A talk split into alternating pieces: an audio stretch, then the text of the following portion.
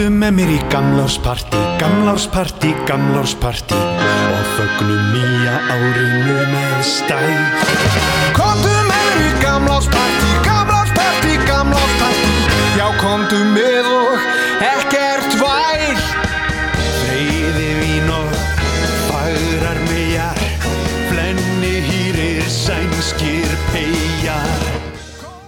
Kontum með mér í gamlásparti, söng bakkalútur og við óskum eh, hlustendum uh, glera jóla.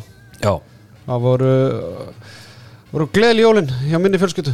Ég veit að voru geðviki jólin hjá þér, Teddy, að vanda. bara eins og alltaf er eins og alltaf og uh, hingað eru komnir tveir mætir menn, eh, Guðjón Guðmundsson og Einar Örn Jónsson, við erum hjertalega velkonir báðu tveir. Takk fyrir það. Takk fyrir og gleðilega hátíð Sem Guðbi, við erum náttúrulega í bóði Dominos og Coca-Cola og ég ger ráð fyrir því að uh, þú er ekkert sparað Dominos um jólin. Nei, nei, það er bara pepperoni og ostur sko Einar, þú ert meiri í skingu annars eða ekki? Ég fekk mér hangigjöldspítsu. Já. Þannig að það er allt, allt til undir sólinni. Það er allt undir, til, til undir sólinu sagður, ég ætla að skrifa þetta hjá mér. ég treysti mér ekki alveg. Þessi fer í frasa, það var að gefa út frasabók hérna núna fyrir jólin en ég held að þú getur gefið þína eigin Já. Það sem þú er búin að afbaka svona frasa og, og svona blanda saman Tvei fyrir einn og þrý fyrir tvo. Já, já, allt þetta. Bílamestöðin Krókalsins 7 og Ólís vinnur á vellinu, vinnur veginn. Ólís vinnur Handkansins, vinnahópur Ólís og eh, þeir eru spennti fyrir nýju ári líkt og við strákarnir í Handkastinu. Allir bílamistuðastrákunni verður þeir ekki í Þýskalandi? Jú, ég ætla bara að gefa mig það að bræðinir verði þar í, og syngja þetta á trálandi Já, og e, það verður nú bara gaman að hitta þá í munnin. Herðu, Kaupi, áður við höldum áfram Símin er að sjálfsögum með okkur Símin Pay og, og handbóltapassin og þú er nú bara orðin andlit handbóltapassans Já, og og reddin gekk bara vel að selja. Já.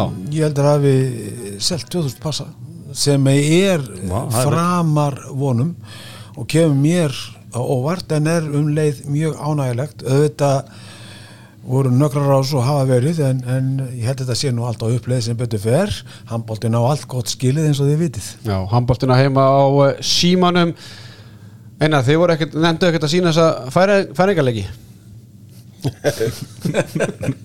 Hún stilt upp vegg og hlifta þú vissir að kemur eitthvað. Nei, það þarf að, aðeins að leifa símanum að, að vera með í, í stóruleikjónu líka. Já, rétt, að leifa síman að vera með að sjálfsögðu Herðu, 66 gráð norður og uh, good good og uh, vók fyrir heimili. Þeir styðja eh, umfjöllunum íslenska landslið. Voru alltaf með okkur núna þegar að HM fór fram kvennamegin og núna er bara blúsandi sving alla leið. Good good, engin sigur betra bragð og síðan ætla maður ekki gleyma því og ég nefndi það núna í sí- síðustu viku að strákarnir okkar eru náttúrulega vel klættir í 66 gráð norður, þetta minn. Mm, Heldur betur og það er bara Það eru bestu flíkurnar, það er ekki að ræða þannig frekar Ekki- heldur betur. Nei, ég kom í úlpunni minni. Já, Já. og ég er náttúrulega bara Glæsilegur. Ég sef í flýsveisunum minni. Pínu framfyrir frá því sem var þegar ég var í landsliðinu þá fengu ekki 66 Ég ætla ekki að segja hva, í hverju við vorum en það var hæðilegt Var ekki einhverju kem, kempa Varstu Já, við þú kempa? stórmótum á Svíþjóð Nei, á utan yfir klæðnaðurinn og eitthvað. Þetta var gert fyrir sólastrendur Við vorum í Norður-Európu í januar Janúar, já. Nælon úlpur Það er gott að 66 skuli halda hitta á, á strákurum okkar en það er svo kallega nostalgíu þáttu framöndan hér í handkastinu því að við ætlum að rifja upp eftirminnlustu stórmótin hjá eh, íslenska landsliðinu síðustu, já bara hátt í 30-40 árin og, og það er því eiginlega ekki hægt að fá betri gesti heldur en Einar Jónsson og Guðjón Guðmundsson til að fara yfir það. En áður við ætlum að byrja á því kaupi þá eh, þá ertu með ágæ- ágætni svona tímalínu á þessu öllu saman og, hvernig svona þróunin og, og þetta hefur allt spilast síðustu hvað 50 árin? Já, það er alveg ótrúlega merkileg tímalína sem að eh, hefur verið starrend og viðlóðandi íslenskan handbólta.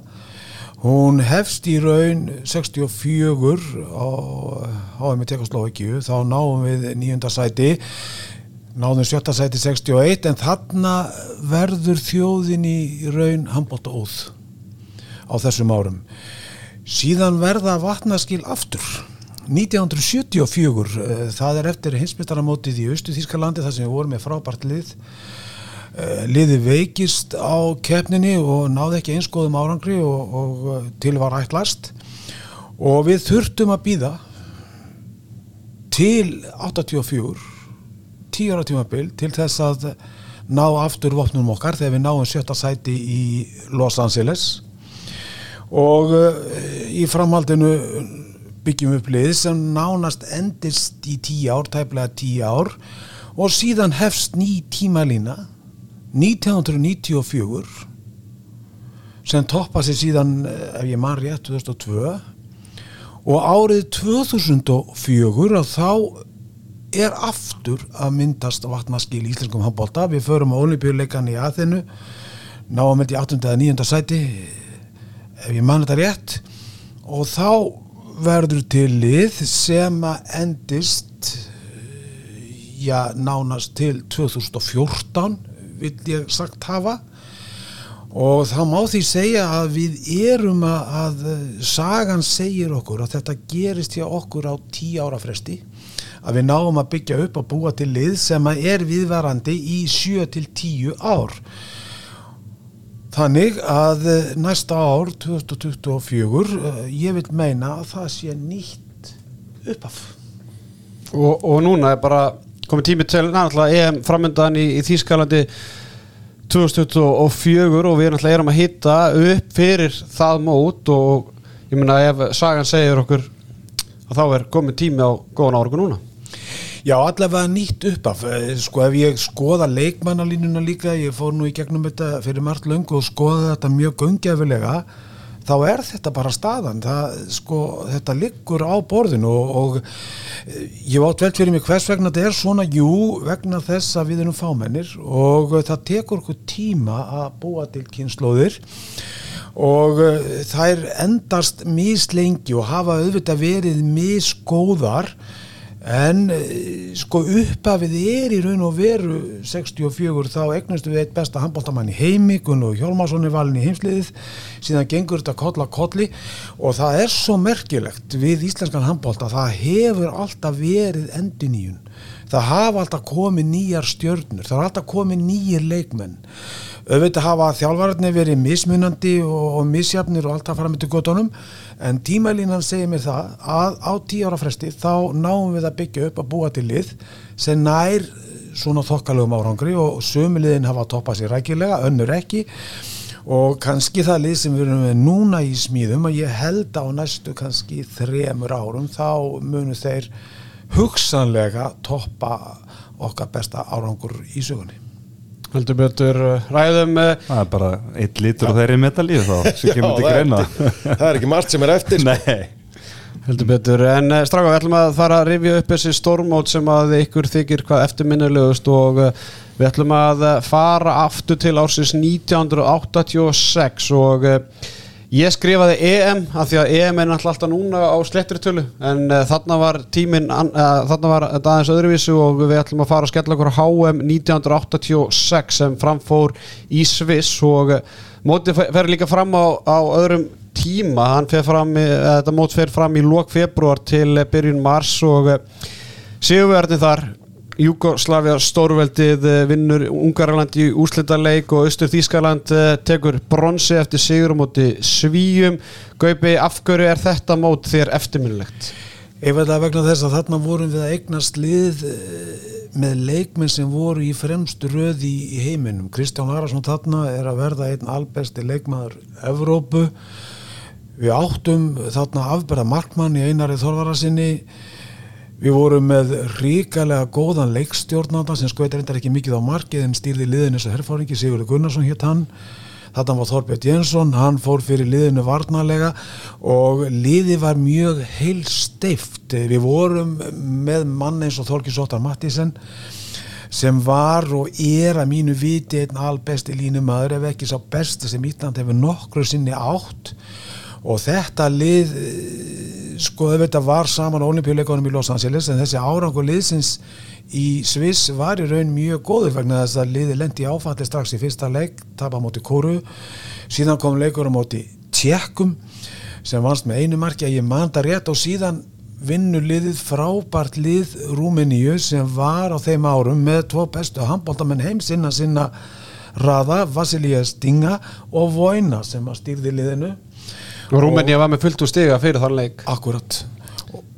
Og ég meina, þú veist, við sjáum það sko að við vinnum Tjekkaslovakju 19-18, uh, vinnum Rúmeníu 25-23 og, og töpum í fyrsta leika móti söðu kóru með nýju mörgum 30-21 aðeins breyttur handbólta einar þarna, það er minna skorað. Já, miklu minna sko, þetta er náttúrulega fyrir tíma hröðu miðjunar sem að breyti miklu. Þarna gæstu bara skorað og svo bara töll tilbaka því að það var ekki hægt að flauta leikin á fyrir að allir voru komnir tilbaka á sinn varnar Þetta er sko áður en að Pítur sko. Bamrúk tók handahlaupin tilbaka. Já, heldur betur sko. Gefa hæfæfi í stúkuna ef að þú vildir vera 10 sekundur eða 15 sekundur og leiðin tilbaka þá byðu allir aðrir með að leikurinn byrjaði aftur. Sem að segja okkur svolítið um hvað þessi kóruleikur var líka mikið sjokk hvað þeir skora mikið á okkur. Af því þetta var eins og blöyt tuska í andlitið fyrir liðið á þessum tíma. Einar Þorvararsson lísti þessi einhvern tíma bara þeir eru aldrei séð svona handbólta Nei, nei, við höfum ekki séð, þeir voru svo hraðir og þeir voru einmitt mjög fljótir fram, þeir voru snöggir, fljótir að koma boltanum í leik þannig að menn sko voru eiginlega fannir að tala, telja bara keilur í leiknum, sko, þau vissi ekki hvað þeir voru, þetta var sakalegt. Já, við erum með einhver svona sirkusa, tvöfalda sirkusa og snúninga og eitthvað og menn bara höfðu aldrei séð svona áður. Vissi ekkert hvað það er að gera En svo förum við í milliriðilinn og, og þar töpum átti ungurum með einu marki í fyrsta leik 2021 en vinnum síðan Daninagaupi með nýju mörgum 25-16 Já, það var mjög merkilegu leikur og, og sérstaklega eftir ungverjarleikin í Basel vegna þess að við vorum yfir lengst af í þeim leik og hefðum átt að vinna leikin eða ekki komið til algjör klefagangur og auðlaháttur Steinar Birgisson gætt tryggt okkur sigur nánast á loka mötarunum, hann dripplar upp allan völlin en, en uh, það vildu því vandkvæði því hann held áfram að drippla en hann glemdi boltan og svo hann skoti þá var engi bolti. Línumenn á hraðaplöp, þetta er ekkert Þetta er Þetta ekki nýtt. Það þetta var mjög eftirminnilegt en, en uh, síðan kom leikurinn á móti dönum og, og það var stórkostlegu leikur í, í alla staði því að Dan er allir þessi stóra hluti á þessu móti. En ég man að, að upplegi var að eh, spila fast og eiginlega taka þá og lemja þá í buff. Það var upplegg þjálfarans, það var gert. Og þeir eiginlega svörðu því Erik Vægir Rasmussen sem síðan þjálfaði lengi í Flensburg hann svaraði því í leiknum með því að skjóti í höfuðið á einari Þorvarasinni úr vítakasti. En áhugavert sá að- leikur kláraðist og það var frábær stemming í ef ég mann rétt. Allir Hilmars það er leik. djúr mannstu þetta? Hann það að 10-10 spilaði- háleik, vinnur samt með nýju Já, hann spilaði sinn besta landsleik. Já.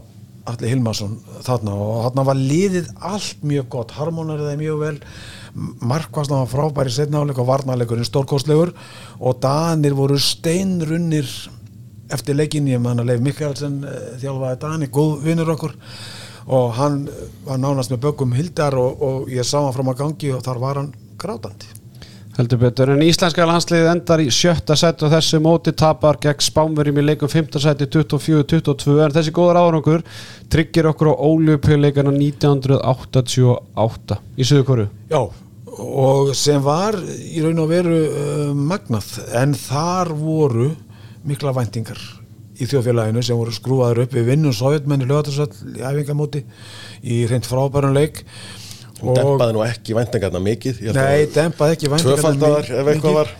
Rétt, við höfðum æft alveg ríkalega vel nánast tvisar á dag í átta vikur. Og eftir þennan leik á móti sovjetmönnum hafði þjálfarinn ákveðið það að gefa frí í viku. En eftir sigurinn þá hafði hann svo ríkalega miklar áhyggjur af formunu, hann sagði við erum á snemma á verðinni þetta er of snemt við verðum að taka viki viðbútt, það varð allt vitlaust og við hafðum eins og vitlýsingar í viku sem var líklega raung ákvörðin á þeim tíma.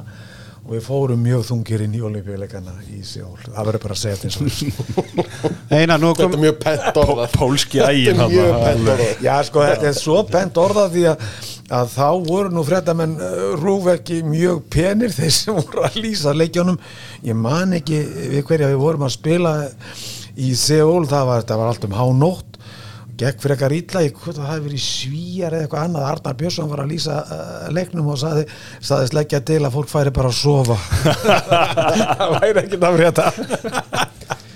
En eina, við ætlum að skipa yfir ólubíleika 88 því að eh, við ætlum að fara bara beint til eh, 92 þar sem að íslenska landsliðið fær þáttökur rétt á ólubíleikunum þremu dögum fyrir setningu ólubíleikunum. Já, Farða hans með okkur þangað. já, það er hérna, þetta er á tímum náttúrulega Júgoslavíu strísins þegar Júgoslavía er að liðast í sundur og, og Júgoslavía var frábært eins og þeir eru ennþá núna allar, allar, allar þessar fyrir mjúkuslafi þjóðum með frábælið en eh, þegar stríði braust út og allt fór í háaloft á Balkanskaganum þá var þeim vísað úr öllum helstu íþróttakeppnum.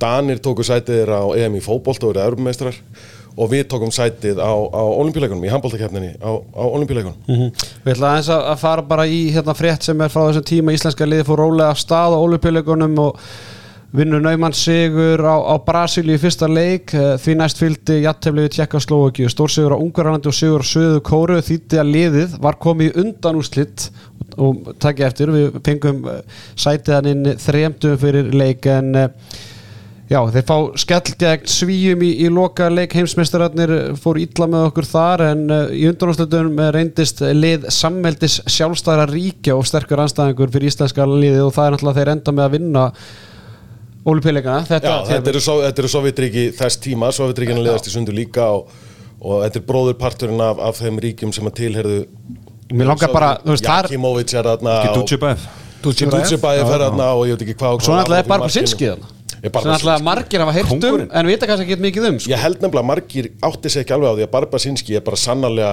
til Já, já. og var mjög öflugur línumar, hann var ennþá að spila þegar kvítrúsar komu hingað á HM95 Akkurat, alveg stórkostlegur og þeir voru með ríkala gott liðið samveldið á þessum tíma ég man ég var að lýsa þessum leikjum með Bjarnar Felisinni á, á Já. ríkis uh, sjónvarpinu þannig að þarna voru gríðalega mikið af góðum handbóltamenn Já, og þetta með þrjá dagana fyrir mótið er pínu blekkjandi af því að liðið var saman að æfa. Grunaði að þetta var Já, stæði til grunaði alveg að þetta yrði, yrði niðurstaðan og, og náttúrulega kannski hlutinni voru svolítið bara að þróa EM þróast í í fótbolta rauntíma. var búið að gerast náttúrulega saman rétt á Já, já, undan þannig að veist, þetta var þá grunaði held ég að þetta væri svona. Mér skilst allavega að liðið hafi verið að fljúa frá æfingamóti á Spáni til Ísland þegar að tíðindin komu bara í loftinu einhver, einhver flugumferðarstjóri let flugstjóran vita sem að gargaði þetta við vélina. Þetta var svo merkilegt- og í beint út aftur sko. Þetta var svo merkilegt líka fyrir þær sakir að við vorum ekki með örfenda mann hægra með Július Jónsson Já, já. spilaði þar uh, sko lengstum. Gunnar Gunnarsson uh, var á, á, á miðjunni spilaði alla leikin og ég er mjög ánægð með það vegna þess að það var nú ég sem sett hann á liðina sín tíma ekki Kótan Kóvalsik það gerðist í þriðja og öðrum flokki. Ég sagði þú ert ekki hotnamaður, þú ert að vera miðmaður Já, Bóta var ekki sammála mér en hann átti frábært mót Gunnar uh, á olimpíuleikunum 92 og þetta er svona samtíningslið kannski, það er ekki rétt að segja kannski samtíningslið, en þetta var mikið breytt lið frá liðinu sem hafi verið árin á undan. Alfred Gísla hættum landsliðinu, Kristján Ara hættum landsliðinu, Gummi Gum hættum vildi ekki fara, honum bauðst að fara. Já, og þú veist, þessi menn bara menn náttúrulega voru búin að spila þarna rétt, þeir eru kannski rétt þrítugir okkar burðar ásar á þessum árum allir kom, komnir fast undir 300 landsleiki. Þannig að skrokkunum var bara farin að gefa sig hjá mörgum og þeir vildu kannski fá að spila handbóltaðins lengur og, og, og svona letu landsleiskona aðeins eiga sig Og þarna var Undri, sko, Undri átti mjög gott mót, Undri Hjeðin Gilsson og þarna við. Því. hann kom hann inn, hérðin kom hann inn í, í stórtölug. Einar Gunnar var í þessu liði. Passar. uh, hvað, þetta er síðasta móti hjá, hjá Jakobi Sigursinni Passar. Valdi Bjarki, Bergsveit Gummi, Gummir Hapkjells en engin örfundur, Siggi Sveins var mittur held ég, Kristján Ara fór ekki, fór ekki með hann að þið spiluði með réttandamann fyrir utan allan tíman Já, hann var farin í aukslinni, Kristján Ára. Já, þetta var svona upphæðið að því að hann hætti að geta Var okkar maður Valdi seinna Gríms og hætti að ungur geta- þarna? Nei, Valdi var Já, Valdi var. ok. Já, Já, já, Valdi og, og, og Bjarki var líka, ég held að Siggi Bjarna hafi mér sér það vorum ekki verið þetta skittu Nei, Nei. Já. Július Jónasson átti líklega sitt besta mót þarna í í Barcelona. Já, Hann markmennir frábærir báðir og einhvern veginn liðið svona fór þetta á, á gleðinni, þá getur kannski bladra hans brakka eins á móti, móti Samveldinu. samveldinu Var Toppi alls eins að þjálfa Toppið Alsteins og, og, og Einar Einar, var- Þorvarða með, honum sko. Já, Hann fer svo að við eh, töpum í, í leiknum móti, í bronsunum móti Fraklandi, manstu vel eftir þeim leik? Því miður, já. Maður bara allt og vel eftir þeim leik. Maður svona Það var svolítið svona fall eftir Já, sko, veist, þegar, þegar einhver sagði við mann árið 1992 eða árin þar á undan, við erum að fara að spila við frakka, þá var bara flott sigur, við klárum þetta, ekkert mál.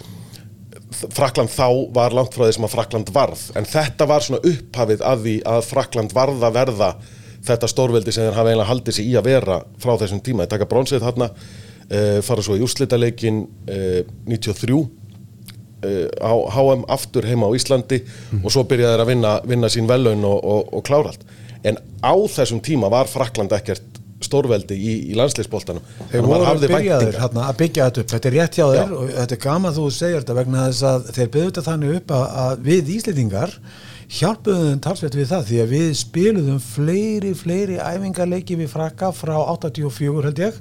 Við fórum árlega stundu tvisvara ári. Þarna voru Daniel Konstantini sem að síðan gerði stórvirki með frakka og núverandi þjálfari kvennalástisins, þeir voru allt í öllu á franska sambandinu og voru að byggja þetta upp og þeir voru búin að búa til langtíma plan sem síðan gekk eftir. sem gekk eftir sko. Heldur betur og ég er svona þegar maður rínir í þetta þá kemur ekki óvart að, að bodyfueli hefði nú kannski getað hjálpað þarna eftir tapið gegn, í undanúrslitunum því að þeir náðu ekki að trekka sér í gang í, í, Dútsi bara að pakka okkur saman þar. Já, hann Ég held að bodyfueli ef það hefur komað markaðan þarna þá hefði það getað hjálpað okkur yfir þann hjalla. En uh, Þetta hefur komnið til HM97 og ég ætla svona að tileika það móti vinn okkar í vók fyrir heimilið Valda Gríms því að hann var gjössalega sturlaður á því móti. HM97 fer fram í Kumamoto rússarnir verða heimsmeistarar og, og eftir sigur gegn svíum og eh, frakkarnir taka bronsið en hvernig gekk okkur á þessu mótið til því? Herðu, okkur gekk bara ansi vel og, og svona fyrir ástæðan fyrir að ég tek þetta móti þetta er svona, þetta er svona krakkamóti mitt sko þarna hérna, ákvaði að byrja að efa handbolta eftir að hafa hort á, hort á þetta mót uh, eftir hérna mikil vonbreið náttúrulega á, á heimavelli. Sikald að segja að krakkamóti mitt var HM86 já, já, nokkarlega. En þetta ég held að þetta sé fyrsta skipti sem að heimsmeistaramóti fer fram utan Evrópu. Það er hérna, uh, fer fram eins og það er í Kumoto og Japan. Og, og við erum hérna í riðli með Jugoslæðu, Litáin, Japan, Alsýr og, og, og Sáti Arabi og, og hérna uh, bara förum bara nokkuð svona vel í gegnum það riðil, vinnum hérna geskjafana í fyrsta leik 24-20 gerir svo þetta jættefli við Alsýr 27-27 sem var nú svolítið áfalli í minningunni er þetta er að slá saman hjá mér, er þetta leikur þar sem þeir mættu bara í eitthvað maður og mannvörd Já, já. og Já, bara gjössalega sló okkur út af læginu Akkurat, þeir voru búin að vera í maður og mann vörd frá 1984 og sá sem þjálfaði þá var búin að vera með þá lengi og var með þá í Kumamoto 97 Já. og það var lengi vel þannig að, að til að mynda á olimpíuleikonum í Los Angeles uh, 84 að þegar þeir gerðu mistök og koma bekkin þá gekk hann að þeim og rak þeim kinnhest. Og ef hann slóð á báðum einn að þá var málið mjög alvarlegt. En þetta var látið viðgamkast já, já, þetta það hétt Mustafa, ég man ekki eftir námið er, er að núna hérna formar alþjóð handkvæmðissambassins Það er ekki hann. er ekki sami. En hann var í Los Angeles ungu maður. Já. Já, þetta var alltaf mjög eftirminnuleg leikur hérna, þeir, maður hafði aldrei séð svona allan sem fyrir mig sem hérna batn hérna hafði aldrei, aldrei séð svona handbóltaður uh, herri, svo kemur að leiknum fræga og þetta er svona einhver aðal eftirminnansti leikur bara sem ég man eftir með íslenska landsliðinu. Uh, ekki svona síst fyrir þær sagjum að vakna hérna eitthvað fimm um morgunin til að fyrir framhanskjáin og það er ótrúlega nýmarka sigur á móti Júgoslavi sem voru á þessum tíma bara með frábært lið og hérna, þetta þótti náttúrulega mjög stór sigur á, á þeim tíma. Uh, fylgjum því eftir með, með sigri á Litáin 21-19 og, og Sáti Arabíu 25-22 förum í 16. úrslit þar sem við mætum normunum og, og vinnum fjaramarka sigur þar. Og þá svona í minningunum var svolítið mannskapur farin að prjóna vel yfir sig og, hérna, og landi inn svona það var, það voru konar miklar, miklar vendingar en þá kemur í áttalúrstum helvítis ungverjagrílan. Óþólandi hvað við erum alltaf einhvern veginn að spila við þessu Já, Ég mér sér búin að gleyma þegar Gaupi talaði um HM86 á þannig að þar stoppaði þetta líka sko á ungurum já, þetta er eiginlega með ólíkitum og þetta er líginni líkast og þetta byrjar í raun bara 64 sko. Og, og hefur haldið áfram síðan. Allar götur eru þeir að nutta í okkur ofan í hálsmálið, ykkur staðar á leiðinni. Óþólandi sko. En ég ungar þetta farið sko í undanúrslitin tapar síðan með 12 mark Þeir áttu ekkert erindi í þessu undanúrslit og höfðu ekki verið nálætti jafn góður á þessu móti og Ísland fram að þessum leik. Og í minningunni og bara svona þegar maður aðeins lesi sér til um þetta þá var þetta bara svolítið óvend að við skildum að tapa þessu. Við vorum eiginlega bara svona hérna, favorites fyrir, fyrir hennar leik. Já, og ég sko, Júkaslavi leikurinn í sjálfum sér kom mér ekkert óvart á þessum tíma einfallega vegna þess að, frá 8, 10 og 6 þá höfðum við bara mjög góð tök á Júkoslöfum mm -hmm. ykkur hluta vegna þráttur að þeir væru með eitt besta lið í heimi að þá vorum við alltaf að vinna það þeir koru og þeir eiginlega þoldi ekki að spila af okkur Nei, nei, nei. En hérna allavega eftir þetta tap á móti Ungverjalandi þá förum við í umspil um 15 til 18. setið uh, vinnum Spánverja með nýjum mörgum 32-23 og, og, og klára svo Egipta í leikum 5. seti, þannig við endum í 5. seti á mótinu, spilum nýju leiki vinnum sjö, gerum eitt jættefli það er bara sér tableikur á, á móti Ungverjalandi og þess að hafa kannski tekka hvert einasta mót þá ger ég ráð fyrir að þetta sé svona okkar besti árangur og stórmóti út frá einhverju sigur, sigur hérna, fjölda sigurleikja og Já, þetta sigur er besti árangur okkar á HM Þetta er besti árangur okkar efer sko. aldrei, aldrei hérna, toppa þetta 5. seti HM en ég er bara svona að tala um út frá sigur hlutvalli og svoleið sko, Já, hvort þetta geti mögulega verið það er bara sannlega rétt sko Já. þess, að þetta var líka sko að þú lítur tilbaka þá sko liðið var svo massíft Mhm. það var svo ríkala gott og ég man eftir mótið þá var maður ríkala svektur að hafa ekki farið í undanúslut vegna þess að liðið átti erindi þangað og hefði vantilega náði velun hefði komist. Það er svona, ég bara mjög áhört, þú segir það, mér langar að spyrja ykkur þegar við erum með, eins og segir, bara mjög svona hérna, góða blöndi í þessum hóp, þétt lið þú veist, við erum að, hérna, þú veist, ungu strákanir þarna eru, þú veist, eins og Dagur og Óli, þú veist, sem eru þarna 23-4 ára gamlir, sko. Þannig konum með, konum með reynslu, svo erum við með hérna reynslu bolta eins og, eins og gera sveins og svo er Patti og frábær hérna og þú veist, og, Húlían er komin inn. Húlían er komin inn og allt þetta. Ég, þú veist, er, getur við talað um þetta sem bara í umræðunum besta landslið sem við mátt Já, eitt það besta og svo má ekki gleyma einu. Það er einn maður sem gleymist í þessar umræðu þegar við tölum um Kuma Moto 97 sem var algjörlega stórkostlegur og að mínu viti besti maðurinn það var markmaðurinn Gummi. frá Memphis Bersveit Bersveit. Bergsveit átti frábært mót sko. Já, hann var stórkostlegur og uh, svona þarna kemst hann svona fyrir alvöru á, á kortið. Og uh, ég held að hann hafi verið einn af líklunum í því að við náðum þessu setti Alveg klárlega.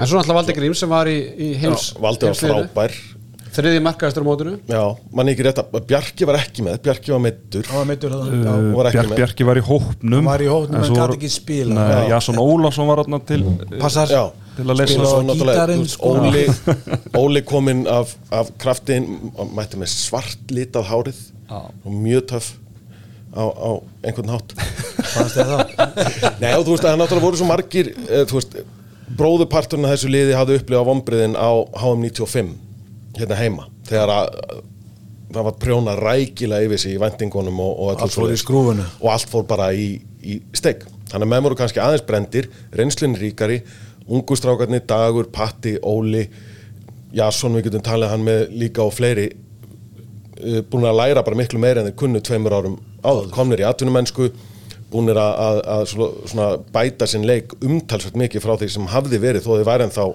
ungir, þetta er 97, dagur og ólir eru 24, þeir eru ekki eldri en það þegar þetta er þannig að þetta lið frábært. Konni Ólafs í, í vinstra.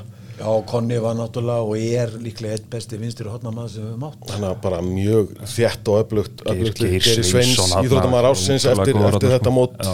eftir frábært mót. Talandi um Conrad Ólafsson, alltaf algjör heiður fyrir okkur að fá að heyra hann lýsa leikjum í ólistildinu núna, þöggs í handbaldapassanum hann er að lýsa heima leikjum stjórnunar Já, vel gert ég Konna Já, já, við erum að, við erum að fá þessa menn alla inn hérna tilbaka eftir smá útlegð. Herðu, stráka, förum fimm ára fram í tíman og eh, við erum kominir á EM 2002, Einar Örn Jónsson. Þetta mót fer fram í Svíþjóð og, og Svíðarnir vinna þetta mót. Það er nú oft þannig að geskjafarnir, þeir eru svolítið að þeim gengur vel á sínum mótum einhverju hluta vegna, en þeir vinna þjóðverina í, í úslita leik, danirnir vinna okkur.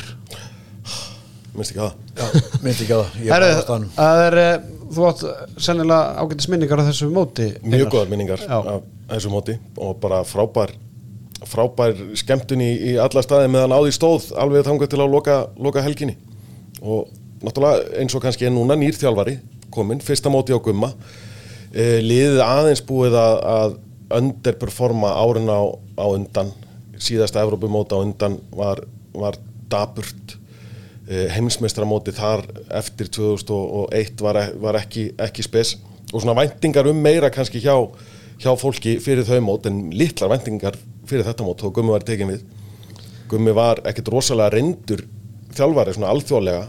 Að hann væri búin að þjálfa félagslega mjög lengi þá var hann búin að fara til Þýskalands að þjálfa það ekki enda, enda vel en tók svo Það landsliðinu. reikin frá Dómagen Já, var reikin frá Dormagen en tók svo við, við landsliðinu með, með svona stóran part af leikmönnum sem hafði verið á Kumamoto 97 og svo verið í bastli eftir það, komist ekki á EM mistum að einu HM líka og, og svona vesen á, á liðinu eftir 97 og eina fram til 2002 og svo svona yngri, yngri pappakassar eins og, eins og ég og fleiri sem vorum svona stíð okkar fyrstu skref í, í, í, á eina stórmótanum sko, þetta var ótrúlega samheldið lið. Það var Já. ekki mikið um stjórnuleikminn nema kannski Ólaf Stefánsson. Þetta harmoneraði mjög vel, varnarleikurinn var góður og þetta gekk allt mjög svona smúð fyrir sig. Já. Fúsi, Fúsi kemur inn, Fixalinn var komin inn þarna. svakalega Stóra öflugur sko. og gummi, svona, gummi líka bara svona tók þetta og batti þetta svolítið í först bönd hann hafði alveg ótrúlega hann náttúrulega gríðarlega skipulaði maður og, og sem þjálfari. Og hann lagði bara upp hver einustu sekund og hver einustu reyfingu og drillaði þetta alveg og kerði þetta í gegn hjá liðinu, undirbúningunum var, var miklu ítarlegri en hafði verið Markviss. markvissari.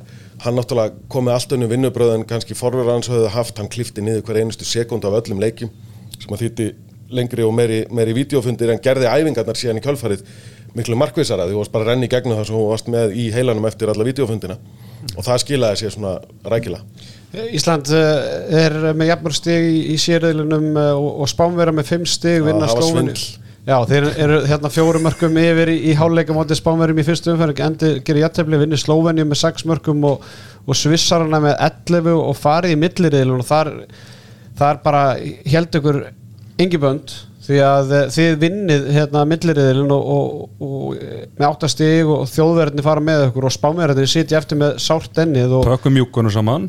Já, frakkarnir sitt eftir líka. Já, frakka, þið, þið gerir jættum náttúrulega frökku um að það sem Patrik Jónusson var náttúrulega gríðarlega aðskvæða mikill á þessu móti þú veist, og, og hérna, hann skor eitthvað 6 mörk í þeim leik, Óli Stefi með 10 mörk á móti Júkaslavi 34-26 sigri og, og vinni síðan þjóðverðina þar sem er Patti aftur með 8 mörk. Þannig að Patti var svona að hátindinu þarna sko, Þetta var hans besta mót, já, er það ekki? Já, klálega klárlega. Já, Langbesta mót. Já, ég held að, ég held að við getum verið allir saman á því en svo förum við undan úslitin einar og uh, talandu svona bodyfuel það hefur þurft að smá bodyfuel þarna fyrir Já þannleik við höfum mögulega þurft bara eitthvað ólöglegt Þarna voru menn Í globen. orðnir laskaðir. Þarna, já, þarna var Siggi liðið Bjarna orðið laska var Siggi Bjarnar datt meiddur, út eiginlega datt út. fyrir mót uh, og það var eitthvað vesen með að- að bæta við leikmanni til að fylla í hans garð.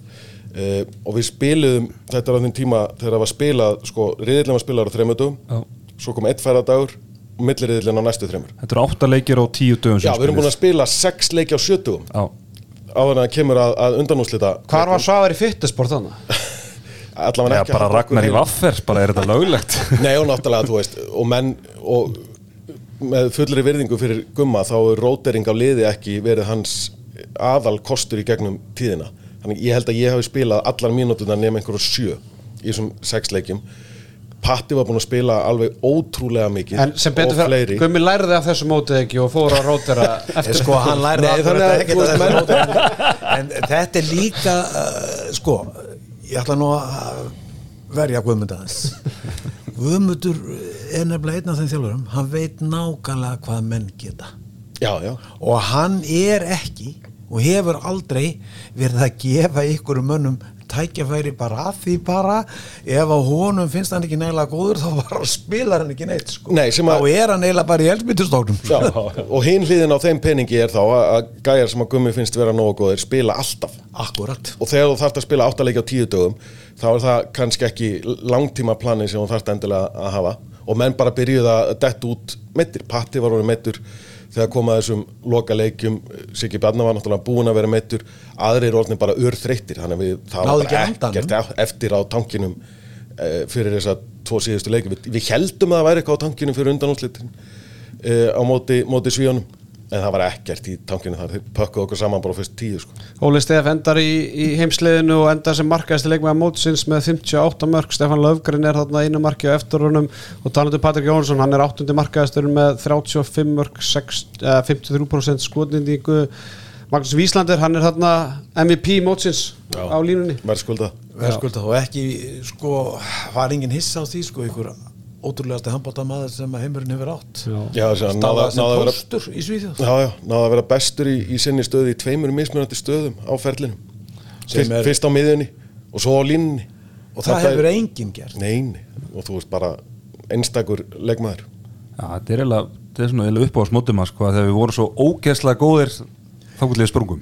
Já, já, Þessi kafli fram á undanúrslitunum Já, er bara einn besti kafli bara Svo Íslands. náttúrulega heilabúið sko, maður náttúrulega verður þreyttur í heilunum líka en sko, sigurinn í milliriðlinum fór held ég frekar illa með, með perun á okkur að þessi dagur sem við vinnum Þískaland til að tryggja e, sigur í riðlinum og undanúrslutasætið var alveg galinn Spánverðar byrjuði á að vinna sinnleik sem að setja okkur í, í erfiðastöðu frakkar tóku svo slófin og pökkuðu þeim saman með 17 eða eitthvað og fóru upp fyrir okkur á markatölu.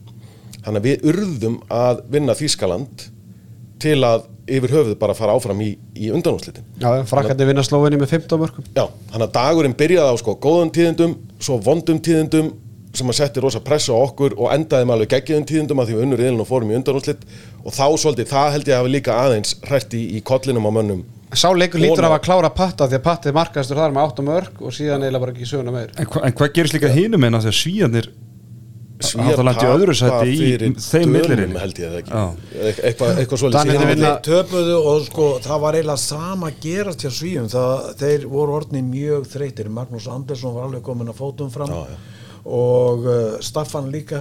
Það, og það var alveg með ólíkitum hvað þeir þvældust áfram því að liði hjá þeim var mjög laskat Já, já. Danirnir unnu svíjana í lokuleiknum hinnum er liðurreilunum sem að þýtti það Já, man ég ekki rétt að Svíjar voru komnir áfram í undanúslitin Jú, og gáttu innan, innan tapa. Rússandi gátti voru búin með sína Já. leiki Herðu, förum á EM 2006 skaupi og ég held að þetta mót sé bóði skólpressun áskis ég held að þetta sé svona byrjaði vel en sé maður smá basl Já, ég, sko, ég myndi nú segja og fara varlega í skólbrennsununa með þetta mót, einfallega vegna þess að, að það er ímislegt í þessu móti sem að gerist sem að var mjög óvænt og kom í veg fyrir það í raun að við færum alla leið í undanúslitt. en þetta mót fer fram í, í Sviss Já, riðlinn var gríðarlega erfiður, við vorum með Dönum, Serbum og, og svartætlingum, Montenegro og Já. samilegt lið Og Ungverjalandi. Við byrjum á því að vinna Serba ég mann rétt með 5 eða 6 mörgum fimm mörgum og síðan gerum við jættefli við Dani.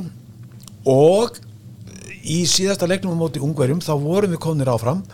Þannig að þá verandi þjálfari Viggo Sigursson leiði sér það að kvíla menn og dreifa svolítið álæginu og sá leikur tapast í raun bara á loka metrónum og skiptir í raun engum mála því að ungverðarnir komast ekki áfram þannig að þessi stík töldu ekki áfram milliriðli. Akkúrat. en takk eftir. Sko við erum með uh, Guðan Valur Sigursson er með uh, tíu mörg í, í fyrsta leik á, á móti hérna Serbi Svartalandi með, með hérna sem vinnum 36-31 þannig að við erum að tala um hvað í byrjun, þegar við byrjum þáttin þá voru leikindin að fara sko 20-20 Já, já, já. þannig erum við sko konur ykkur 20 árum aftur og þá er leikindin farin að aðeins Þú er líka átt á einu sko, Ólafur Stefánsson er ekki með hann Nei, er Já. hann er rifbensbrotin og gat ekki leikið og þetta var mikið áfall og En svo var eitt Snorri Steinn Guðjónsson með 10 mörg á móti Danmörku og á móti Ungverjalandi. Segðu þannig að hann er komið 20 mörg hérna í bara þessum tveimur leikjum í, í, í reyðlakefni en, eh, en svo förum við í millireyðlanlega köpi Já, sko, ég, ef ég manda rétt þá spilum við fyrst í rúsa, við vinnum rúsa og eh, síðan eh, Það er Óli Steff kominn. á þá er hann kominn og hann var reyndar sko á annari löpunni, hann var að drepast. Og næsti leikur og eftir rúsum var það ekki kroatíuleikurinn? Jú. Og þá gerist það sko Alexander Pettersson í leiknum á móti rúsum að þá er hann gildur kaldur, hann er kjálkabrotin næra að klára leikinn á móti rúsum sem eðlilegt er maður spila náttúrulega bara áfram kjálka já, já, og svona tók bara Óla Þórðar á þetta. Og í, í leiknum á móti króatum sem var í raun leikur um undan úslita sæti gerist það að króatarnir þeir afgreitu Einar Holgersson hann skorar eh, fljótlega tvö mörg og þá var hann einfallega kildur kaldur lamin í höfuðið. Og við töpuðum þeim leik hörkuleik, alveg frábær handbóttaleikur með einu marki. Og við vorum svo ríkalega nálæti að vinna leikin ég held að staðan hafi verið jöfn. 13-13 og í lokin aftur jöfn Arnór Atlason er með boltan hann er við það að fara að senda hann ég man ekki hver var að smyrja sig í gegn. Kemur ekki einn Ívan og Balits stelu boltanum og þeir skorði andlitið á okkur og leikurinn tapaðist. Þetta voru ríkaleg vonbrið og þarna held ég sko liði var, að, var bara orðið verulega laskað. Ólafur ónýtur Einar út, Alexander út. En uh, þessi leikur á móti krótum með þessu móti er eitt besti leikur sem ég mann eftir En síðan sko, ár. Kaupi, það er ótrúlega að sjá hérna brottísinu í þessu leiki. Íslandi gæti fá tvisvarsinnum- nei, 6 sinum 2 mínútur. Króatarnir 11 sinum og 2 rauðspöld Já, þetta, Sko, þetta voru slagsmál, þetta var leikur upp á líf og dauða ég bara mani þetta eins og þetta hafi gerst í gær og ég, sko, ég gleymi því ekki þegar Einar Holgersson var slegin niður. Nei, það var svakalegt að sjá það. Sjómasmyndirnar af því þegar maður sér svo myndir á honum koma einhverja endursýningar að þetta gerist og koma einhverja myndir af einari. Og það er búið að mynda svona annað höfuð utan á honum. Og maður svona sér það einhvern veginn stækka bara í rauntíma. Svona bólnar út á honum hliðin af, af höfðinu En sko, síðan ætla að loka leikurinn í millireilum og, og sá leikur er náttúrulega hvað eftirminnilegastur út af einum leikmanni í, hjá normunum Getil Strand All, allræmdast í leikur held ég bara sem hefur spilað lengi sko. og eini 90 mark- landsleikurinn 90 marka leikur, já. og hann skoraði hvað sex úr vítum? Ég maður finna átta- sex- átta úr vítum. átta úr vítum já, 90 mörg og, og normundin vinna okkur 36, 33 þannig að á En þessum sjálfur sér, þó við hefum unnið þennan leik við hefum all- við hefum alltaf þurft að vinna með tíu mörgum með eitthvað. Já, við geta farið þá upp fyrir rússana samt og spila Já, spila fimmta sæti sko. En þarna samstrákar sko þarna verður í raun liði til sem síðan og síðar náði Abras árangri Þa, þetta er uppafið af besta handbóltalandslið Íslands vil ég meina. Upp af endinum.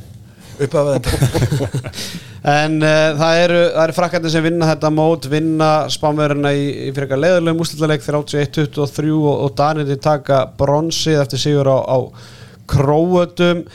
Þetta er svona, ég verði ekki að þarna er ég orðin sko 14 ára.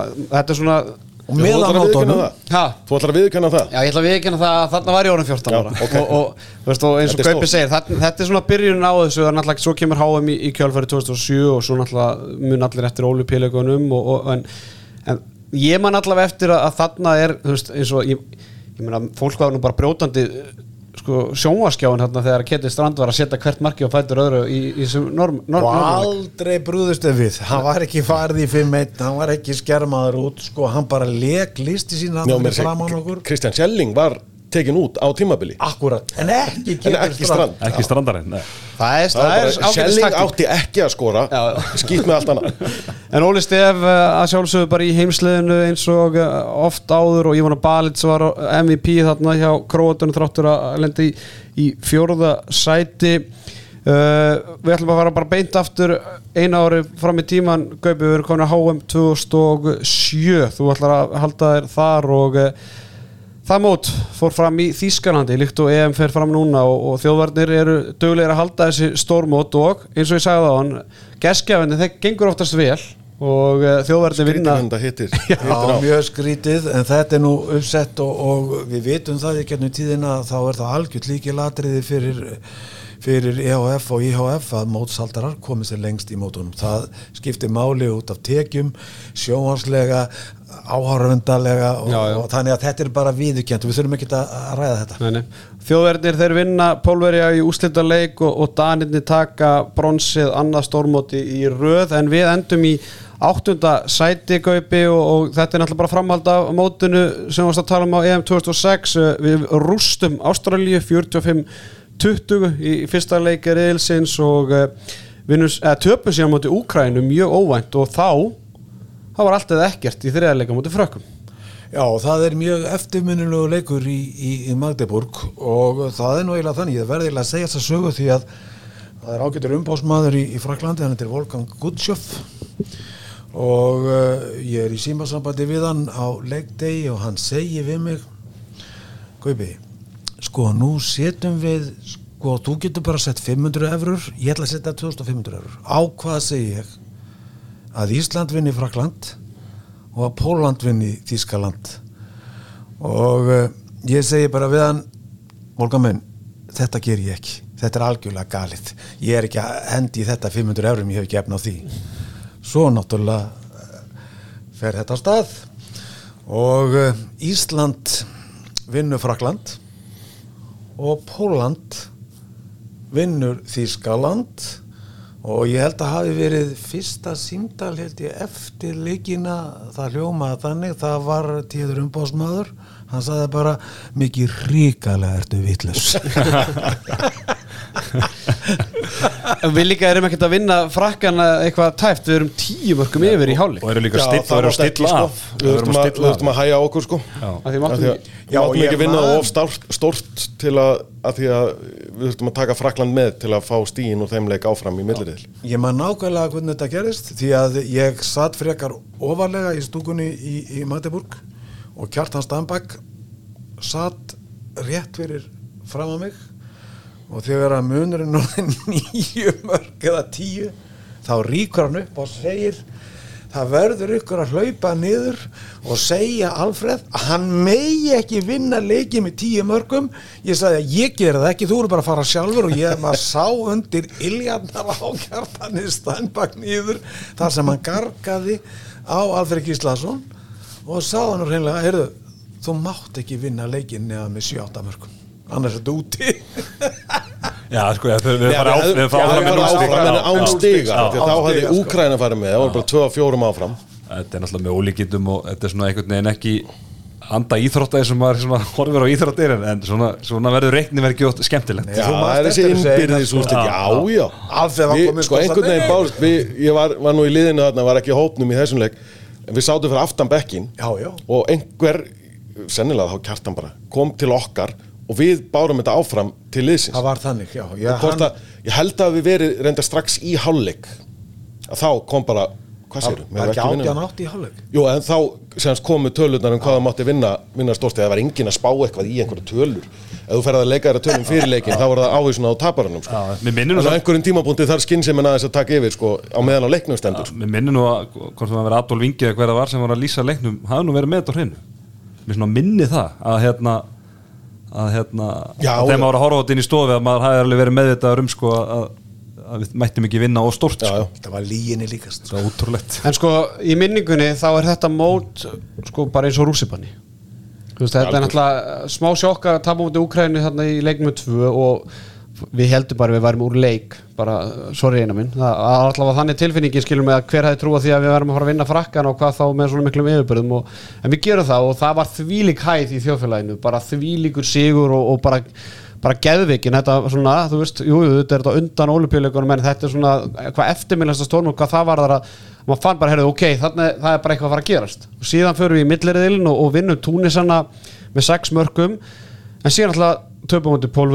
við með alltaf við okay, sem voru á Frá- þeim tíma frábærir. Já. með besta lið Já, já. í heimi. Og við töpum ekki Já, en við erum samt tveim mörgum yfir í hálfleik sko, þannig að þú veist, í fyrra hálfleik var leitið þetta rosalega vel út og, og það var bara, þú veist, það var allt að gerast en töpum með tveim mörgum ég. Já, töpum tveimur, vinnur síðan Slóveníu, Slóveníu en í Jerry Weber höllinni svo- með einu marki í stórkostlegum uh, leik. Já, já, en svo töpu á móti hérna, þjóðurum í, í lokaleik milliriðils og, og ég mér langar aðeins að spyrja ykkur núna af því að það búið að breyta háum aðeins Það er alltaf verið að það breyta er alltaf verið að breyta háum en þarna eru sko sexlið milliriðil og fjögur fara bara í áttarúslit en á, sko þannig er, þú sér það að bara hver leikur skiptir gríðarlega miklu máli. Já. en eins og háum er í dag, skilum við þá er bara tvölið sem fara upp úr milliriðili í undanúslit þannig einhvern veginn leikindir þarna ef þú ert dottin út eða segjum bara þú ert sko í fimmtasæti þá ertu aldrei að fara að ná topp tveimur er Nei, voru þetta náttúrulega- fyrirkomuleiki miklu betra Það einhvern, náttúrulega voru færri lið á mótinu ég er að segja það en það er alltaf jafn mörg lið í milliriðili skilur mig að þannig að þarna sko, þetta er, þetta er góða punktu hjá þér en sko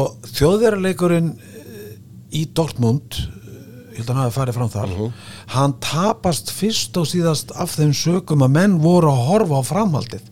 Við spiluðum ekki með okkar besta lið Nei, lengst af að móti, móti þjóðverunum Markus Máni spilaði sem besta Tíu mörk frá honum. já, tíu mörg þannig að Alfred Gíslason og geirstrumaði í andlitið á Kristján Sætsson aukakasti í lok fyrir gas- fekk gas að það. þróa hérna, yfirhandskasti sitt til að kasta honum yfir veggin og á hann, já, sko. þarna hafði Alfred tekið ákvörðinu það að satsa á það að vinna næsta leik og komast í undanúslutin og það var upplegið á mótinu.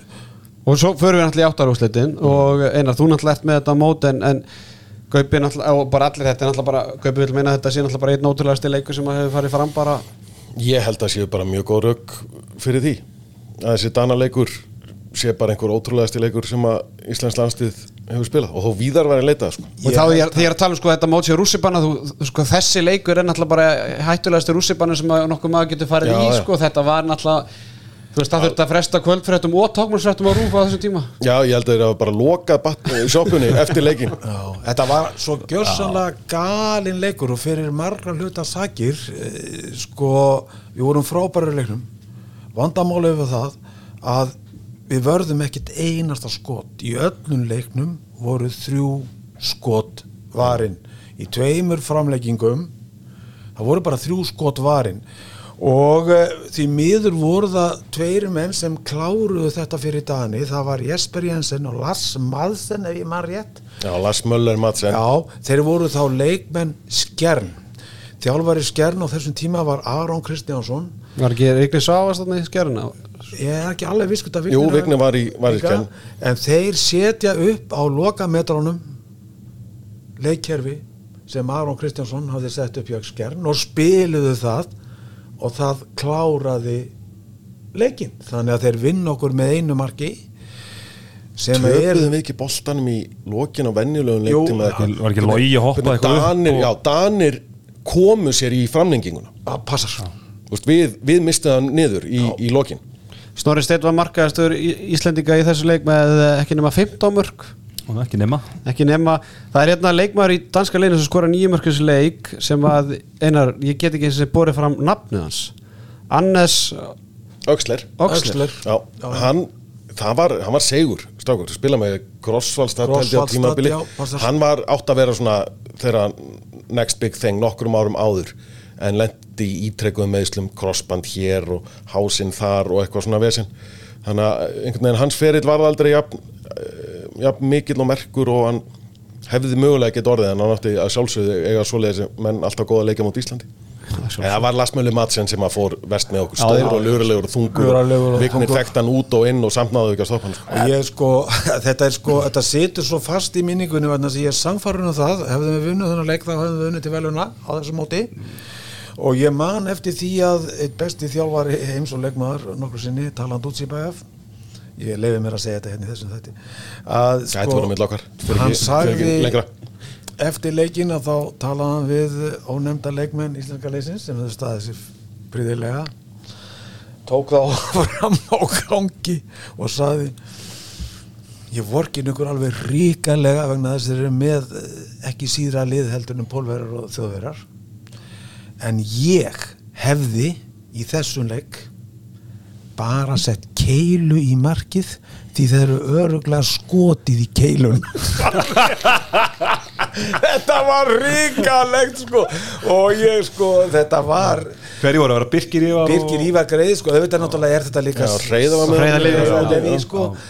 en uh, það var ég held að það hafi verið þrjú skot var ég held að það hafi ekki verið mikið meira, ég man það ekki Já, var ekki, ég menn þetta endaði 40 eitthvað, 40 eitthvað. 40, leikur endaði 34-34 Nú, já, og, og fer svo náttúrulega framlíking Já, ég meina það í já. en ég meina 38, eh, 68 mörg hérna í 60 það var mínútur. svakalegt, ég er ennþá að jafna mig. Þetta er eitthvað sárast og tap bara held ég. Já, af því að sko svo fara danirnir í, í, í hérna undanáslit og, og tapa í framleggingum átti pólverum þannig að þú veist við vorum þetta, þetta, þetta, ég, þetta var rosalegt sko. Við hefðum aldrei tapað fyrir Pólandi ekki aftur, Nei, Ekki aftur. ekki það. Alfreð náttúrulega, Alfreð uh, og Bóta Menta sem var að þjálfa þjóðurina þarna. Æsku vinnirnir einhverjir, einhverjir sko innilegustu hattursmenn sem að þú getur fundið. Já, á Jarríki og þeirra fe- ferlar búin að fylgjast að einhvern veginn bara forever. Býða sóa uh, Ísland-Póland náttúrulega í bjökeppninni uh, svo báðir að, að spila á toppstíi með, með býða sóa og, og Þískalandi og þjálfa í Þískalandi og, svo þjálfa þessi tvö lið og hann að mætast tveir þverir sko og þeir bara, þeir sá, hötuðust. maður sá það líka þegar horfðu á hvern annan sko, það var ekki mikið að frétta.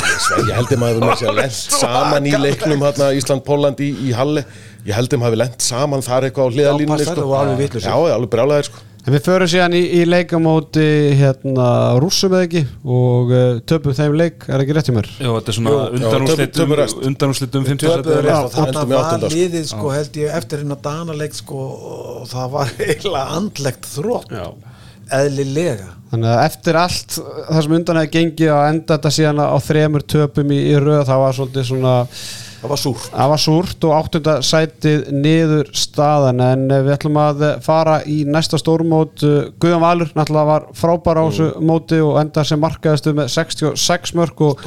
Snorri Steinn og Óla Stefánsson voru báðir 50 markaðistu menn mótsins með 53 mörg og Fylbíkka er þarna næst markaðistur og Karol Bielski, Bielski var með 56 Við erum með sko 5 á topp 10 markaðistu Lói Girsson er í týnda og, og Alexander Pettersson. Já Þannig að það nóg var á mörgunum En EM 2010 Einar Örd Jónsson og uh, við ætlum að uh, ég, svona, ég setti svona í headline jafnteflismótið mikla. Ég heldur betur með þér. Nei, ég var mikið að spáði hvaða mót ég ætti að velja og ég var að spáði 2008 olimpíuleika, það er bara búið að Það er búið að- Búið að að í gera heila, seríu um það mót sko, að- og hérna Nei, 2010 var einhvern veginn þá Í Austurríki. aftur- Í Austuríki Rosaleg spenna fyrir þessu móti. Uh, Fólk náttúrulega gata ekkert farið á olimpíuleikana í, í Peking. Og farið ekkert með það með stuttum fyrirvara til að skella þær á olimpíuleika Við mistum síðan af HM 2009 sem var næsta mót eftir, eftir Peking. Uh, þannig að það var komin svona eins og hálsárs uppsöfnuð óþreyja í mannskapin eftir þessu móti. Og liðið að mestuleiti óbreytt ef eitthvað var orðið bara talsveit betra. Ung, yngri leikmenn orðin ennþá betri og þessir eldri ennþá bara jafngóður og þeir voru ef ekki betri og 2008 Guðan Valur náttúrulega bara sko hátitinum hann- og, hann, og Arnur Atlason komin inn þarna hátindur gauja er einhvers konar slétta sem bara svona tegja sér út í og hérna, nei en svo byrjar byrjar þetta bíó einhvern veginn og maður verður einlega að segja þetta var algjört bíó riðillin, fyrsti riðillin sem við spilum. Við erum með Danmörku, Austuríki og Serbíu í riðli og hefjum móti á Serbum eru fjórumörkum yfir í hálfleik 15-11 en leikurinn fór jafntefli. Jafntefli, missum það neyri, jafntefli og töldum okkur grátt leikna fjandinn við höfum þetta að vinna þetta, já, áframgak Ok, svo fyrir við, það var að gerskjafarnir þreymörkum yfir í hálfleik, 2017 og þarna var kannski markvæslan heldur ekki mikil og þarna er líka Austuríki er ekki eins og Austuríki er í dag. Skilum við, þarna er þeir svolítið að byrja. Já, já, já, já, og þú veist, Er það þú voru á heimavelli og, og, og með gott lið, þú veist, leikmenn sem voru að spila á, á hæsta level í, í, í bundeslíkunni og, og víðar. En það er svona, við horfum á þetta og við áttum að vinna Já, þeir Austuríki eru, eru, eru betri ár, árun eftir. Já. Þetta var svo uppaði kannski að þeirra svona 2017 yfir í hálfleik endar 37-37 Viktor Silaci hérna markaðist. Já, og þeir jafna bara í blálókin annan leikin í röð fá okkur Frægasta jöfnunarmark í- vasspása ekki hjá reyðari hérna Jú, þeir, Sjögunar hvað, við missum boltan út af við að fá Já, að skrefa misstum okkur eitthvað? já. og þeir skjóta bara frá eigin puntalínu og reyðar einhvern veginn er á leiðinni að bakka í markið og, og rasar og tvö jafntefli í fyrstu tveimur leikjónum og Danir næsti anstæðingur, við vorum bara leiðinni heim. Ég, man, ég var að vinna í, í EM-stofunni þegar, þegar þetta var. Og það var bara ah, þú fjandur er ekki skemmt henni sérstaklega vel þá? Býða eftir, býði átján mánuð eftir þessi móti og svo fáum við bara þrjáleika búið. Náttúrulega eh, náttúrulega missum af hérna HM 2009 Í Króatíu, eh, eh, hérna, móti Makedóníu þetta rétt fyrir olbíleikana Já. og þetta, er náttúrulega, þetta, þetta er í rauninni þá bara fyrsta stórmót Aros Pálmarssonar sem er þarna búin að vera sko í eitt, eða í, þarna í hvað, e, hálft ár Hálft ár, í, já. og hann ymmit sko átti á þessu móti mjög góðan leik. Þessi besta landsleik sem hann hefur spilað áttan ymmit að móti Dönunum. Í þriða leik? það var bara allt eða ekkert. Já. ef við töpum þessum leik, fyrir við heim. Ef við vinnum hann, þá komumst við áfram í, í milliril og Danir eins og við erum að tala um maður frá 2007 og fleiri mót þar á undan þeir voru búin að vera mjög öflugir á mótanum undan. Evropamestari 2008 eh, brons á háum 2007 og svo framvegis og svo framvegis, þannig að það var eiginlega frekar gert ráð fyrir að við værum bara leiðinni heim sko. En við pakkuðum þeim saman. Já, við erum tveimörkum yfir í hálfleik 15-13 og vinnum á lokum 5 marka sigur 27-22 og ég er að tala um Guðjón Val Sigursson þú veist, hann er markaðistur í fyrsta leiknum með 9 mörk hann er markaðistur hann með 6 mörk og þarna gat maður bara garantíta bara 5-6 mörk í, í leik. Í hverju minnasta leika Bjöggi að dæla boltanum fram á hann alveg eins og engi verið morgundagur En Svo erum við konið í, í milliriðla og uh, þar uh, býða okkar uh, sjá, þar býða okkar króatar, normenn og rússar og við gerum jættefli þriðja jættefli í fjórum leikjum gegn króatum 26-26 og þar erum við þreja mörgum yfir í hálfleik þannig að það er ekki hægt að kvarta við því hvernig fyrra hálfleikina voru að spilast á þessu móti. Nei, við vorum rosa góður í, í, í fyrirháleik svo vorum menn greinlega eitthvað að slaka á í, í háleiknum en þetta jafntefli var eftir að maður getur aldrei sagt hvaða úslit skipta mest þegar upp í staði en þetta jafntefli var ansi dýrkeft þegar lengra var komið. Já, ég meina króatinni vinna milliriðilinn þannig að þetta var Já. ekkert engin aukvis og síðan vinnum við rússanum með 8 mörgum 38-30 og vinnum síðan normenn 35-34 þannig að þarna erum við bara komnir í undan úrslit. Uh, en verðum í öðru sæti í okkar eðli sem að þýðir að við fáum stórvinni okkar frá Fraklandi í undanúslit Já, ég meina skiljum eftir Danina, skiljum eftir Normennina þarna í þessu milliriðli og á meðan frakkar og pólverjar komast upp úr hinnum milliriðlinum og, og við mætum frökkum og e, í undanúrslitum og þurfum því miður að býti þess húra eppli að tapa nokkuð samfærandi 36-28 en við sækjum í velun Já, en ég held aftur að ef að við höfum unnið hennan áransriðil og mætt pólverjónum í undanúslitum þá hefðum við farið í úslit Já, já, ég meina Ég er sammála því. Því að sko við vorum með þannig lið að, að hefðum við farið alla leið og þá hefðum við klárað. Þetta segir mann það þegar maður svona er að rifið upp af því að það er ofta er að tala um að hérna, við hefum ekki að gera okkur eitthvað væntingar við erum bara eitthvað hérna, eithjóð út í ballarhafi sko. það er svo mikið af þessum mótum það sem er svona óöppilegt eða svona sárgrætileg, töp og jættiblögg sem gera það verkum að, að við fáum kannski erfiðar anstækja hér eða þar. En þú veist, það er eiginlega bara fyrir utan ólupjöleikana þú veist, 2008 sem að gekk eiginlega allt upp svo bara töpuðu fyrir betarlega ústæðileg þá er alveg svona inn á milli svolítið svona Já, sem segir já. mann það við höfum eftir inn í mót það sem að allt gengur Það sem. Ég er búin að halda þessu fram í nokkur á að það er sko, uh, þetta mót er ykkur staðar á leiðin ég veit bara ekki hvernig það kemur. Já, það kemur Þetta smellur allt saman einhvern tíma. En þetta mót náttúrulega, þú veist, Óli, Óli Steff enn og aftur í, í hérna úrvarsliðinu Já, Arnón Alla stórkostlegur á þessu móti. Já, Arnar hans alltaf, lang besta mót Já. uh, með landsliðinu nokkru sinni. En við sjáum það sko, við erum lendum í þriðasetti keppninar og, en við erum ekki með markmann á topp 10 yfir varða bolta skilum við hann að markvæslan var nú ekki hjálp okkur þarna. Filip Jíkka var frábær var MVP á þessu móti og, og hérna Arnur Atlasson var markaðistur Íslendinga með 66 mörguðan Valur 62 og Snorri Steinn með 56 Robby Gunn á línunni tíundu markaðistur á mótinu þannig að þannig erum við með fjóra leikmenn á topp 10 listan Ég held að Arnón Alla hafi verið annarkvort annar eða þriði stóðsendinga hæstur á mótunum líka. Já, hann Hann í rauninni hefði átt að vera MVP Ég hjá var bara stærra nafn einhvern veginn. Og þannig erum við að sjá mögulega svona á þessum árum, mögulega besta handbóltumann sögunar bara á præminu sínu. Já, hann er svona Karabatic. Já, Já, já, þú ert að gera það Pottitt hann dregur frakkana einhvern veginn. Hann dregur vagnin í alveg ótrúlega jöfnu og góðu frönsku lið gerði það þegar urðu olimpíumeistarar árið áður urðu svo þarna Evrópumeistarar, voru heimsmeistarar þú veist, voru handhafar allra titla og hann er ennað Gróðu alltaf að landi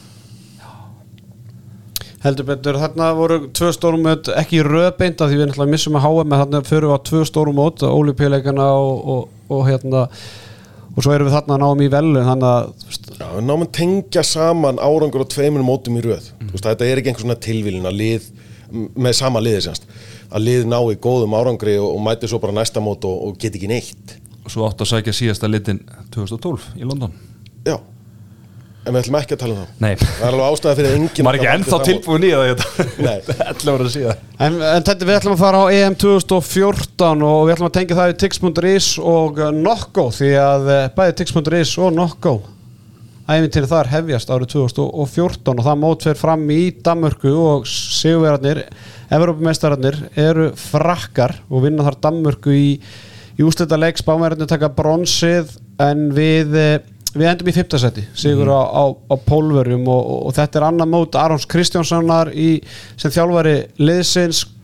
Kontum með okkur og taktum okkur með Já, þetta ástæða fyrir ég vel þetta þetta er svona, þetta er, við höfum ekki náð svona góðum árangri síðan og eiginlega ekki verið nálætt í nema bara á EM hérna 22, ég held að það sem við lendum í sjötta seti ég held að besti árangur fyrir utan það er bara 11, það er verið svona algengt 11 til 16 eitthvað svo leið sko Þannig að hérna, já, þetta var svona, þetta svona kynslu að skipta móta að mörguleiti. Anna mótið hans Aron eins og, eins og nefndir, hefur verið svona að venjast lífinu eftir Óla Stefánsson. Ég held að anna mótið án hans, getur, passa það ekki.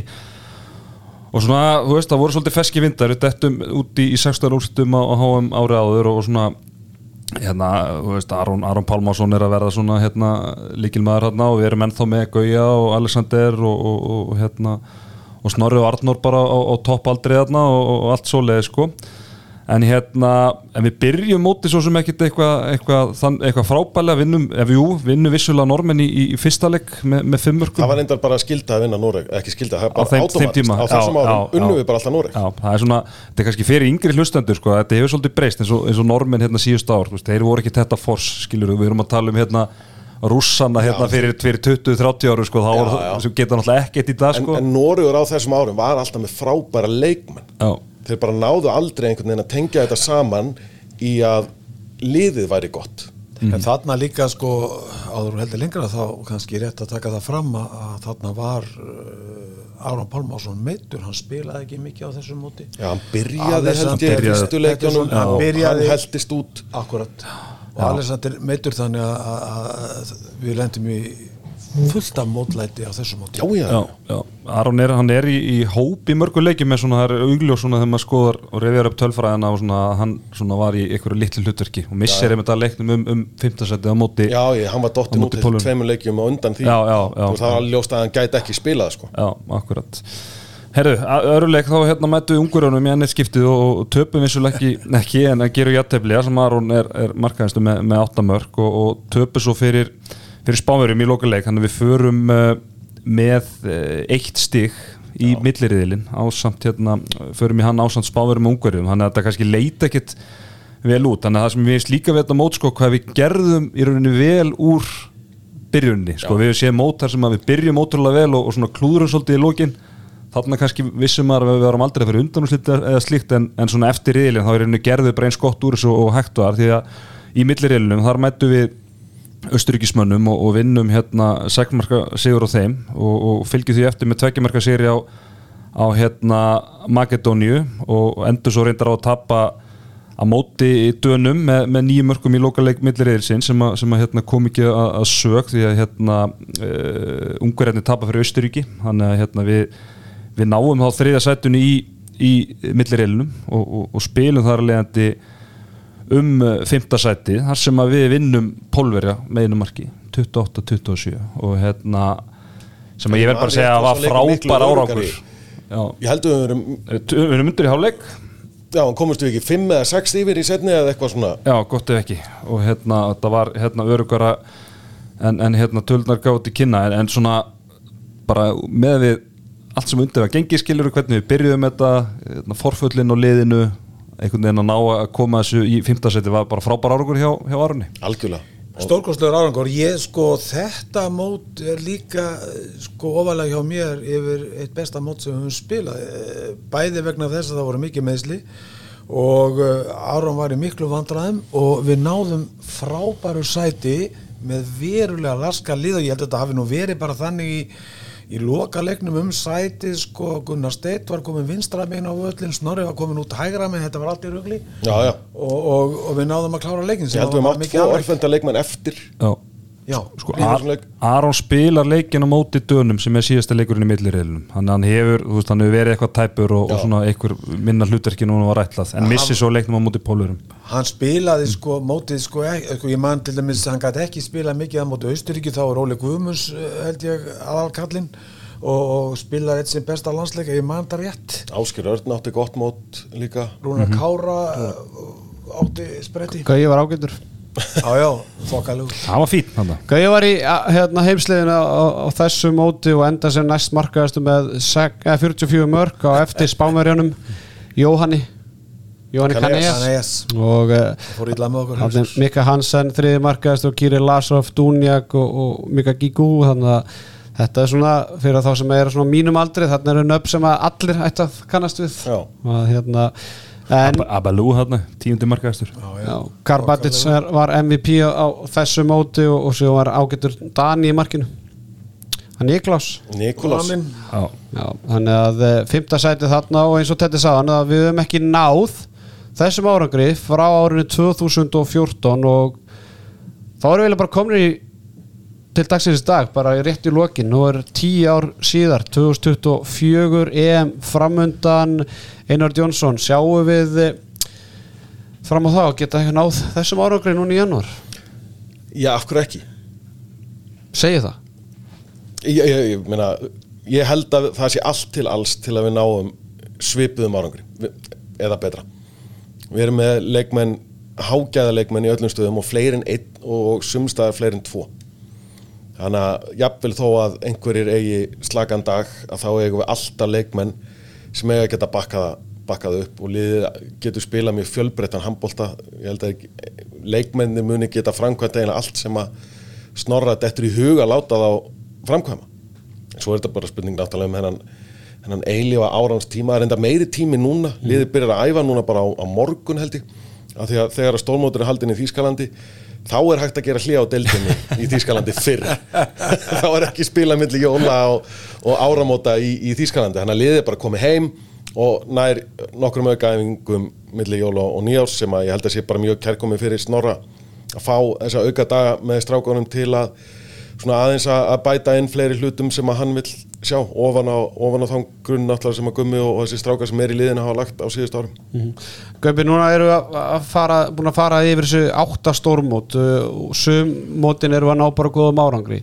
Hvað er svona einkennir landsliðin á þessu tíma sem að við höfum kannski ekki haft á síðustu stórmótum? Það sem enginn er þau landslið sem að hafa ná ánurku er einfallega sá lötur að við höfum verið með leikmenn í þeim liðum sem eru bestir eða með þeim betri í sínum stöðum í Evrópu. Þannig var það 2006, 2007, síðan 2008 og í framhaldinu þarna vorum við bara með afbörða leikmenn. Meina, en þá hlustendur velta fyrir sér, ok, núna erum við með Ómar Inga, skilum, með Gísli Þorger, MVP og Final Four og, og, og, í, núna í sumar og svona, meina, erum við erum við komin á þann stað núna? Já, við erum á leiðinu þokkað. Við erum að eignast lið held ég sem getur náð aðbras árangri á allra næstu árum. Og ég held ég hafi sagt það í fyrra. Þú sagðir í fyrra að þetta væri árið. Já, að þetta gæti orðið árið og yrði árið. Ég hef ótrúlega góða tilfinningu fyrir framhaldinu, fyrir mótin í Þískalandi, liðið er gott, það er valinn maður í hverju rúmi, auðvitað þurfum að vera hefni með meðsli, en mér sýnir staðan vera betri núna en ofta áður, auðvitað er talsvert í mótið, það eru dagar, tveir leikir í Austuríki, það getur ímislegt gerst, en náðum við að halda okkar munni svona sæmilega heilum og liðin næra, nærað harmonera saman þá held ég að þetta verði bara fínasta móti og það er allavega mín tilfinning og síðan kannski eftir þetta mót á móti tvö hjá núverandi þjálfara teimi þá held ég að liðin muni gera allugu, alvöru allugu að velunum. Algjörlega, einar, það er svona stór, stórasta spurningin núna sem að landsmennir að veltaði fyrir sér. Einn vinsarasti þátturinn á hverju ári en alltaf bara EM-stofan. Og landslið Mönnunin. Dagur Sigursson alltaf verður á Asíumótinu eða ekki? Jó, við missum út einvala lið Óli Stefán en alltaf við bara fáum inn einvala lið á, má ekki, verður það ekki ofið hér er, eða? er ekki, var ekki Logi búin að gefa út að hann alltaf verið í jú. Logi verður úti með mér. Við verðum og, Já, hann verður að vinna, já, ok, ok. Já, og Helga Margrét fer með líka Þannig að þau verða með innkomur af gólfinu í, í háleik og fyrirleik og, og eftirleik og allt. Það er nú bara rándýrt að vera með loka á svæðinu. rándýrt að vera og- loga í, í Þýskalandi. En jú, Áskjör Örn og, og Kári Kristján munu eh, standa vaktina hérna heima með hérna Kristjánu mm. Verður, hérna ekki geða stjórn á þungavíktinu eða? Nei, Óli, Óli Stefi náttúrulega þjálfa áe bara í Þýskalandi og, og kemst ekki frá Dagur er, er á Asíumótunum með, með Japanina Þannig að einvalið út, einvalið inn Já, ef að Kári er þá er allavega vikt í þessu. En hvernig það færi bara frí á æfingum í janúar eða hvernig? Menn redda sér bara, í kringu stórmót þá redda menn sér Það bara er svo, það er svo góð, gott að fara á milli Vestmanna og, eh, og Það er mjög þægilega samgöngur Já, góða samgöngur og, og hérna. Já, ok, þetta gleður okkur að heyra og verður gaman að, þetta er náttúrulega bara einn vinsæðasti sjónvarsdóttur landsins eða ekki? Jú, ég meina við tökum þetta saman á hverju ári alltaf í, í lokárs og, og styttist nú í að, að svo frétt komi núna rétt undir áramótin. Ég get bara sagt ykkur að handbóltin er upphá og endir alls þegar kemur að áhorfi á íþróttaefni á Íslandi. Þú ert að tala um þess að svo kallu þjóðar íþrótt hinn svokallaði hennar gæsalapað þjóðari, þjóðarjóð en hann náttúrulega, þú veist, þetta er í opinu dagská það er alltaf aðeins öðruvísi og, og þetta er landsliðið okkar. Og landslið eru alltaf raða sér langæfst á alla, alla pósta þegar kemur að, að áhorfi. Og þetta er svolítið stóra landsliðið okkar og, og janúar er, er mánuðurinn okkar. Strákar, hættum þess Handbólti er þjóðar íþróttin það er algjörlega klart mál því verður ekki breytt og það mun ekki breytast.